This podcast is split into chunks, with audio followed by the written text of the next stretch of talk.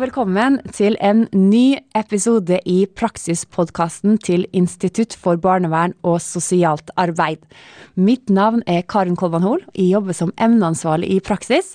Og med meg her har jeg instituttleder Nina Hermansen. Hei, hei. I dag er temaet arbeidskrav og eksamen for praksis 2, eller langpraksisen som vi kaller det. Ja, og det er vel ikke tilfeldig, fordi at eh, det har jo skjedd litt siden sist som handler om det her. Eh, hva du har tenkt på i det siste, Karen, siden forrige episode?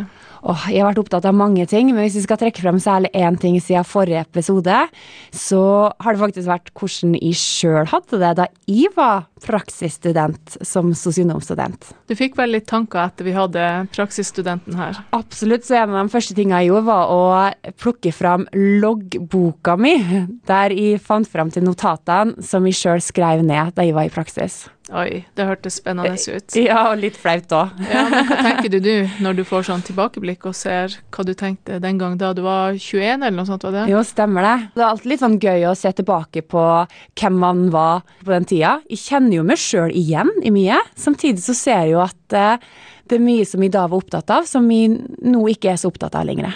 Som for eksempel?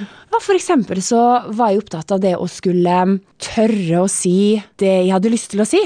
Jeg var nok litt redd og litt sånn forsiktig heit i begynnelsen av praksistida. Ok, men det passer bra, fordi det jeg har tenkt på siden sist, det var jo at vi har hatt instituttseminar, og vi hadde noen fra praksisfeltet som holdt et innlegg.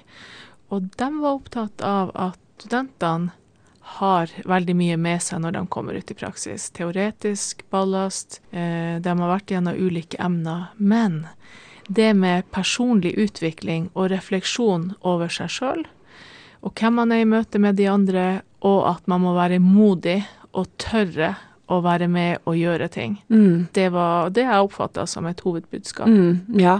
ja, det har jeg sett sjøl når jeg jobba i barnevernet, at det ledere etterspør, er modige saksbehandlere. Ikke sant. Mm. Men da passer det jo bra, fordi at vi har sagt at denne podden skal handle om arbeidskrav og eksamen. Åh. Så i dag er det jeg som skal få lov til å spørre deg ut. Det er ikke bare det at vi har hatt instituttseminar, men jeg har jo også møtt studentene våre i gangene. De, hadde, de hadde eksamen før jul, og nå er de tilbake på studiet.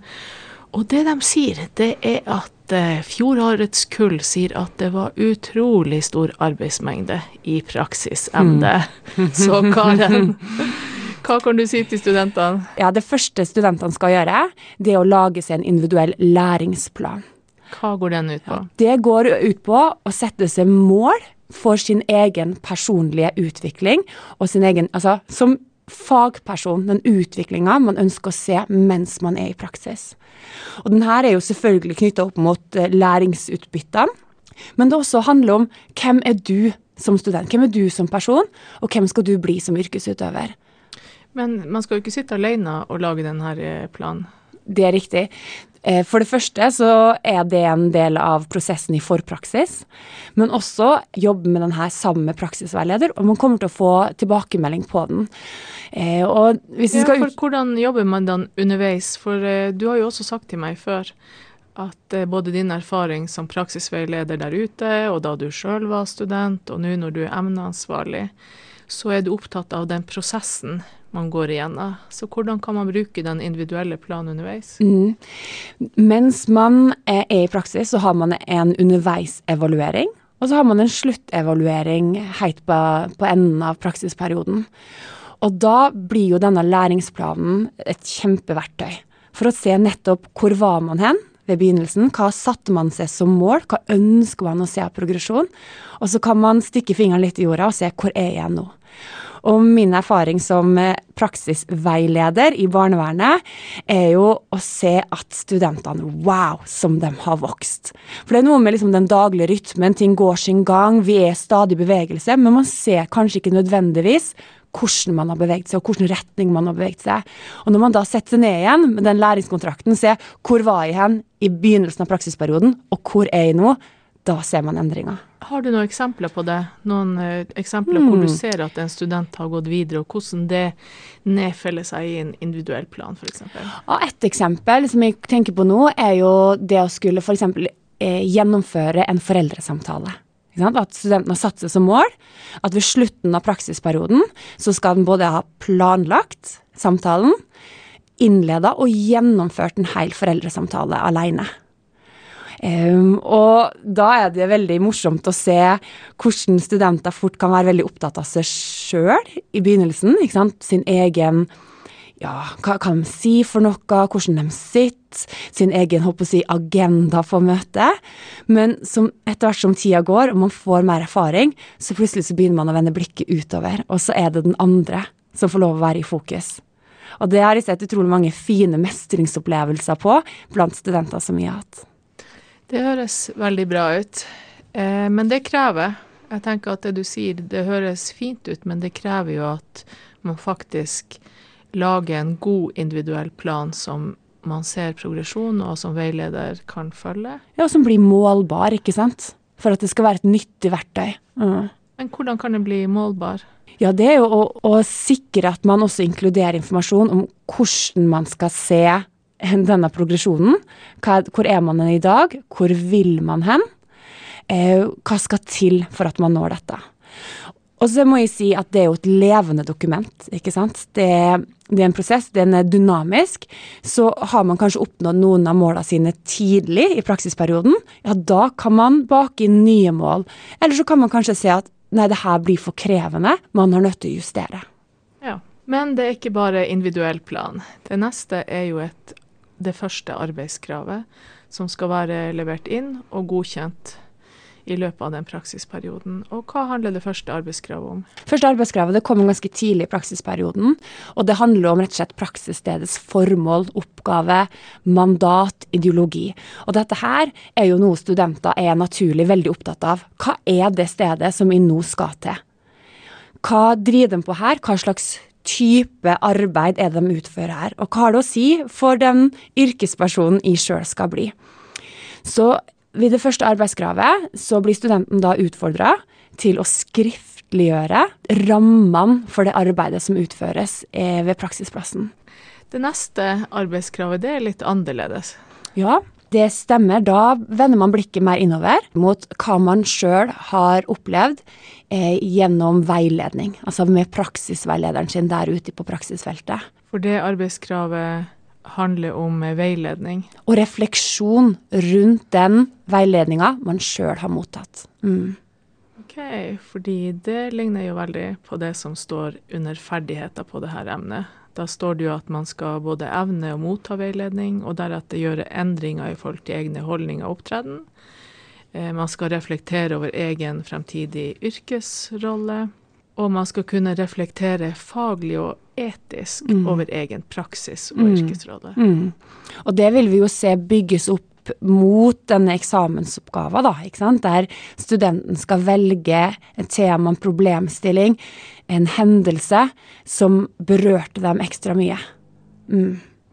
Så arbeidskrav to eh, Som sagt, da vender studenten kanskje mer blikket innover. Se hva reflektere over egen læring. Hva er det som skjer med meg i veiledninga? Og så vil det være et godt utgangspunkt å ta med seg videre inn i eksamensoppgaver. Så det du prøver å selge inn her, det er at ting henger godt sammen, og det er en grunn til at man skal skriftliggjøre de erfaringene underveis, og at de henger sammen med eh, finalen, som er eksamensoppgaven, praksisoppgaven. Og da er det også viktig å påpeke den teoretiske forankringa, som man skal ha med seg hele tida. Én ting er jo den utrolig viktige oppgaven som student, å skulle vokse mens man er i praksis. Men en annen ting er viktigheten at man som barnevernspedagog eller sosionom faktisk kan det med å skriftliggjøre faget og fagutøvelsen. Og kunne skriftliggjøre refleksjon. For det er det arbeidslivet eh, vil kreve av det. Ja, og tidligere studentundersøkelser har jo også vist at studentene har savna mer skriftlige oppgaver og ulike måter å skriftliggjøre på.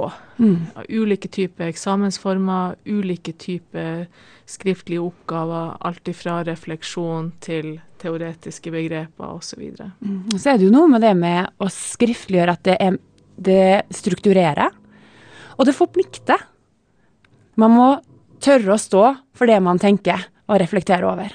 Men når det gjelder veiledning, nå har vi lagt mye vekt på det, siden vi har det også som et arbeidskrav som du må gjennom å bestå. Eh, så er det jo også noe med den prosessen når man står i veiledning. Mm. At du kan tenke mye og føle mye, kjenne etter. Men når du nedfeller det på papir og skriftliggjør det, så tar du det et steg videre. Mm, det er nettopp det. Det er nettopp det. Mm. Dette har blitt gjort før, og dere kommer dere gjennom det. Dere har både praksisveileder og fagveileder, og dere vil erfare at er man tidlig ute, og er man på hugget, er man smart i måten man skriver på, smart i måten man leser på, og tenker hele tida hvordan kan det ene bygges inn i det andre, ja, da vil du se at ikke bare vil det være overkommelig, men det vil faktisk øke læringa. Og da vil jo jeg som instituttleder tenke og håpe at det har skjedd. At etter eh, all veiledninga, alle erfaringene, hvor du har brukt deg sjøl, utvikla deg sjøl, lært måter å bruke sosialfaglige metoder i praksis osv., skriftliggjort erfaringene underveis, og så skrevet eksamensoppgaven, så har det skjedd masse med studentene det her semesteret. Yes. Så bra. Og eh, nå når vi begynner å gå mot slutten, hva er hot or not i forhold til arbeidskrav og eksamen? Ja. Hot, da vil jeg si veldig klart skriv loggbok. Dere trenger ikke å være sånn som meg, som ikke klarer å kaste ting og, og oppbevare det i mange, mange, mange år. Men for all del, ha en loggbok gjennom hele praksisperioden. Bruk den aktiv, skriv ned hver dag, se tilbake. Forbered veiledningstimer ved å se på hva har du vært opptatt av den siste uka. Ta den fram når du skal velge tema for eksamensoppgaver, når du skal skrive kanskje særlig arbeidskrav 2 i forhold til refleksjon over egen veiledning. Det er hot. Hva er not? Hm, hva er not? Da vil jeg si å ikke benytte seg av fagveilederen når det kommer til eksamensoppgaven. OK. Hvordan at du kom på det? Ja, Det handler om tilbakemeldinger fra kollegaer som har fulgt opp studenter i mange, mange år, og ser det at det er faktisk ikke alle studenter som benytter seg av dette her. Hvorfor er det et not å ikke benytte seg? Hva får man igjen for å benytte fagveileder? Ja, Det er jo en akademisk oppgave som man skal levere på slutten av semesteret. Og da trenger man hjelp til å sikre den teoretiske forankringa, og at man er på det nivået som er forventa. En helt unik mulighet til å faktisk få faglig innspill på en egen oppgave. Så studenter, benytt dere av dette.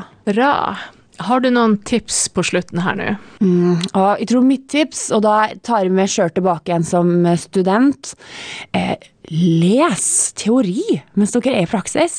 Det er så gøy å sitte med fagbøker, lese, grunne på hva i all verden er dette her, og så neste dag så er man i praksis og oppstår en situasjon der man ser ha, der har man det jo.